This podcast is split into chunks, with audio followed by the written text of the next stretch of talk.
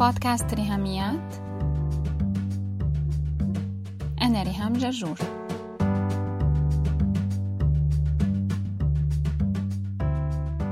مرحبا. في واحد ياباني سأل شاب عربي شو أحلامك؟ قال له الشاب إني أتخرج من الجامعة وأشتغل وأستقل عن أهلي أتزوج البنت اللي بحبها وأنا وهي نكون أسرة يكون عنا بيت وولاد نأمن لهم تعليم وصحة. قاطعوا الياباني. استنى استنى. أنا سألتك شو هي أحلامك؟ ما سألتك شو هي حقوقك. ما هو عرف قديش من اللي عم يسمعوني حاسين هيك. إنه نحنا عايشين بخلاط. مسكر هالغطا فوق راسنا وعم يشتغل الخلاط فرم وطحن.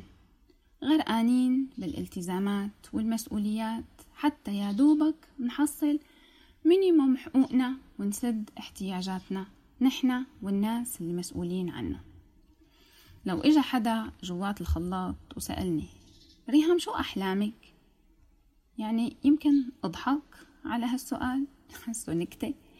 يمكن أبكي من الغلب ومن الحالة اللي أنا فيها. حلمي إيه اللي أنت جاي تقول عليه؟ يا أخي كلك نظر ما أنك شايف حالتي. مرة كنت عم بتناقش مع شخص عن المقارنة ما بين العيشة بالغرب والعيشة بالعالم العربي. وخطر لي تشبيه صرت من وقتها أستخدمه كتير وراح يساعدنا بهالتشبيه صديقنا الحصان. تخيلوا معي حصانين مجدين ومكافحين ومجتهدين. واحد عم يركض على الأرض والتاني عم يركض على تردمل اللي هو حزام المشي تبع الجيم. الاتنين عم يتعبوا ويشقوا. بس الفرق انه الأولاني بآخر تعبه عم ينتقل من نقطة ألف لنقطة باء. التاني المسكين مكانك راوح. مو بس هيك الأولاني فيه يقف شوي ياخد نفسه يرتاح يتفرج على المناظر اللي حواليه ويكمل ركض. التاني يا ويله لو وقف لازم يضل عم يركض لأنه لو خطر له يرتاح راح يقع من على التريدميل وتنكسر رقبته. الأشخاص اللي بالغرب بيقولوا لنا تعالوا تفرجوا عنا إذا أنتوا تعبانين نحن هون الطحن والشغل وفوق غربة اشكروا الله أنتوا عايشين ببلدكم بكرامتكم. برجع دايما بتذكر لحظة. كأبتكم ما هيك. نحن بآخر سنة 2018 وشغال العد التنازلي بس عندي سؤال. كم مرة خلال 2018 استخدمتي نفس المنطق تبع الحصان على التريدميل كعذر للتأجيل؟ خليني أشرح سؤالي أكتر أول شي أنا بلشت أحكي بصيغة المخاطب المؤنث. أبدا حتى طفش الشباب والرجال اللي معنا. أنتوا عراسنا من فوق ويا ميت أهلا وسهلا فيكم معنا هلأ وبكل الحلقات. بس اللي حابة أقوله إنه اللغة العربية أحيانا بتظلمنا لأنه بالإنجليزي you هي you يعني بتنفع أنت وبتنفع أنتي بس بالعربي لازم نحدد. فغالبية الأحيان بالأمثلة بنختار صيغة المذكر. ولو مليون بنت انضم لهم صبي واحد دغري بتتحول الصيغة لجمع مذكر سالم. خلونا نتجاوز ظلم اللغة العربية ونطبق مبدأ الأغلبية. أنا لما قدامي خيار you رح أقول أنتي وبشكر تعاطف الشباب والرجال إنه يحسوا معنا بالمجتمع. لما نحن هون بهالبودكاست مجتمع صغير تسمعوني عم أستخدم صيغة المخاطب المؤنث بوجودكم وتقبلوها مني. هذا كان سؤالي. كم مرة استخدمتي أو كم مرة استخدمت أنت نفس المنطق تبع ال treadmill كعذر للتأجيل. ما عم قول تراخي ولا عم قول كسل ملكنا نشيطين مكافحين لكن بس باللي مضطرين عليه. أما بخصوص الأحلام هاي أول شغلة منحطها الرف منصنفها رفاهيات منصفها على جنب ونركنها لبعدين. يوما ما. نحن كلنا معذورين. ولو بدنا ندور على أعذار رح نلاقي بدل المية ألف. بس هذا تماما يلي حابة يشجعك اليوم تفكري فيه بآخر هالسنة.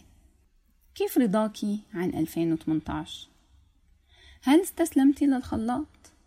وصار لك 11 شهر وأسبوع عم تركضي على تردمل مثل المهرة.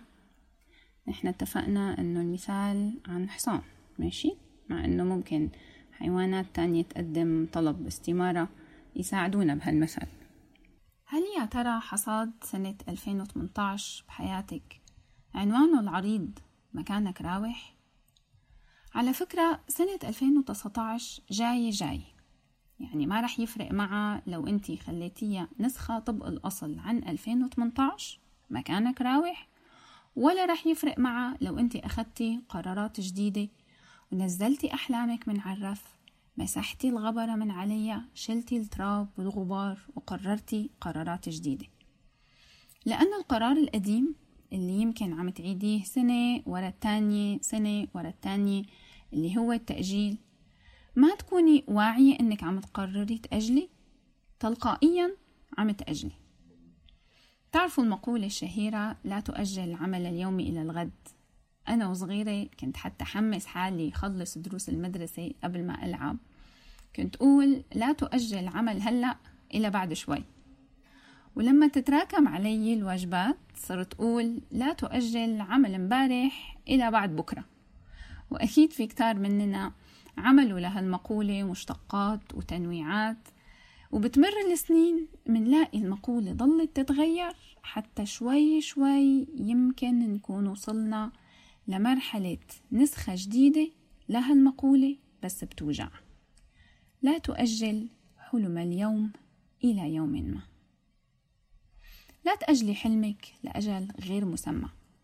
تحت ذرائع أشكال وألوان. تحت مسميات وأعذار وتبريرات. رح نحكي عنها بالحلقة الجاي. بس اليوم بدي لك فكرة خليها ببالك هالأسبوع وفكري فيها كتير منيح. لتوضيح فكرتي رح أستخدم مثال عجبني كتير قريته بكتاب من كم أسبوع. كانت الكاتبة عم تقول إنه تفاعلنا مع الحياة مبني مو على أساس شو هي الحياة لكن على أساس مين نحن. رح أقولها مرة تانية. نحن منتفاعل مع الحياة مو على أساس شو هي الحياة لكن على أساس نحن مين. الكاتبة عطت مثال إنه لو في بيت عم يحترق وعلى الرصيف في ثلاث أشخاص كل واحد منهم بشوف البيت مو على أساس شو هو البيت لكن على أساس مين هو الشخص. هالأشخاص هن مجرم وإطفائي وصاحب البيت. المجرم يلي سبب الحريقة بشوف البيت اللي ولعانة فيه النار على إنه إنجاز نجاح. هدف كان عنده وحققه. الإطفائي بشوف البيت على إنه واجب ومهمة. نداء شغل لازم هو يتممه إنه يطفي النار. صاحب البيت بقى هذا المسكين بشوف البيت على إنه كارثة ودمار مأساة وخسارة رهيبة. فالحياة هي الحياة بكل شي فيها. وسنة 2019 هي سنة 2019 بكل شي فيها. بس نحن يلي بإيدنا الخيار. مين نكون حتى نشوف الحياة من منطلقنا نحن؟ بإيدينا الخيار إننا نلبس نظارات معينة ونشوف الحياة من أي منظور. ومو بس نشوفها ونتفرج عليها بسلبية ونكمل ركض على التريدميل مكانك راوح. نكرر نفس العملية ونتوقع نتائج مختلفة والنتائج ما تختلف. أنا اليوم بشجعك إنك تاخدي قرارات جديدة حتى تتوقعي نتائج جديدة. إنك تلبسي نظارات جديدة وتتبني منظور جديد. لا تأجلي لا تستني لا تستسلمي. ولو حاسة إنه كلمة حلم كلمة كبيرة وإنه مقولة لا تؤجل حلم اليوم إلى يوم ما. واسعة كتير. نرجع للأصلية. ونقسمها لأجزاء أصغر نقدر نتدرب عليها. بتعرفوا شو مشكلتنا مع التأجيل بهالأيام بعصر ال social media والإنترنت وال smart phones إنه قياس الوحدة الزمنية اختلف. لما من عشرين سنة كنا نقول اليوم مدته أربعة وعشرين ساعة. كنا وقتها بنكتب الرسائل على ورق منحطها بظرف نستناها توصل بالبريد ويرجع لنا الرد. هلأ صارت قيمة الوقت أثمن بكتير. لما خلال 24 دقيقة أنا فيني أكتب رسائل مو رسالة واحدة وتوصل حالا. بس المأساة إنه لما غليت قيمة الساعة صرنا نهدرها رخصناها رخصة تراب. بقول قدامي ساعة رح أقرأ فصل جديد بهالكتاب أو رح خلص شغل البيت أو رح أعمل رياضة أو رح أدرس كمية معينة للامتحان. بس رح أفتح الفيسبوك دقيقة شوف إذا حدا حاطط شي شغلة اتسلى شوي. رح أفتح بس كم صورة على إنستغرام. الدقيقة بتصير نص ساعة وبتصير ساعة وبكون أجلت عمل هلأ لبعد شوي وهدرت ساعة كاملة من عمري على ولا شي. لما أوعى على حالي بعد ساعة بلاقي إني لا قريت الفصل من الكتاب ولا اشتغلت بالبيت ولا عملت رياضة ولا درست لامتحاني. الخطوات الصغيرة بتساعدني إني شوي بشوي أخذ قرارات كبيرة كلمة حلم. خليني ما أجل الشغلة اللي قدامي هلأ. لا تأجلي ريجيم هلأ لبعد شوي. قرري تسكبي صحن أصغر على الغدا وبلاها قطعة الحلويات التانية. لا تأجلي مشية هلأ لبعد شوي. لو عندي سيارة صفة. لو معي مصاري أخذ تاكسي امشي. بدل حجج إني متأخرة وما في وقت طقس مو حلو حذائي عم يوجعلي رجلي.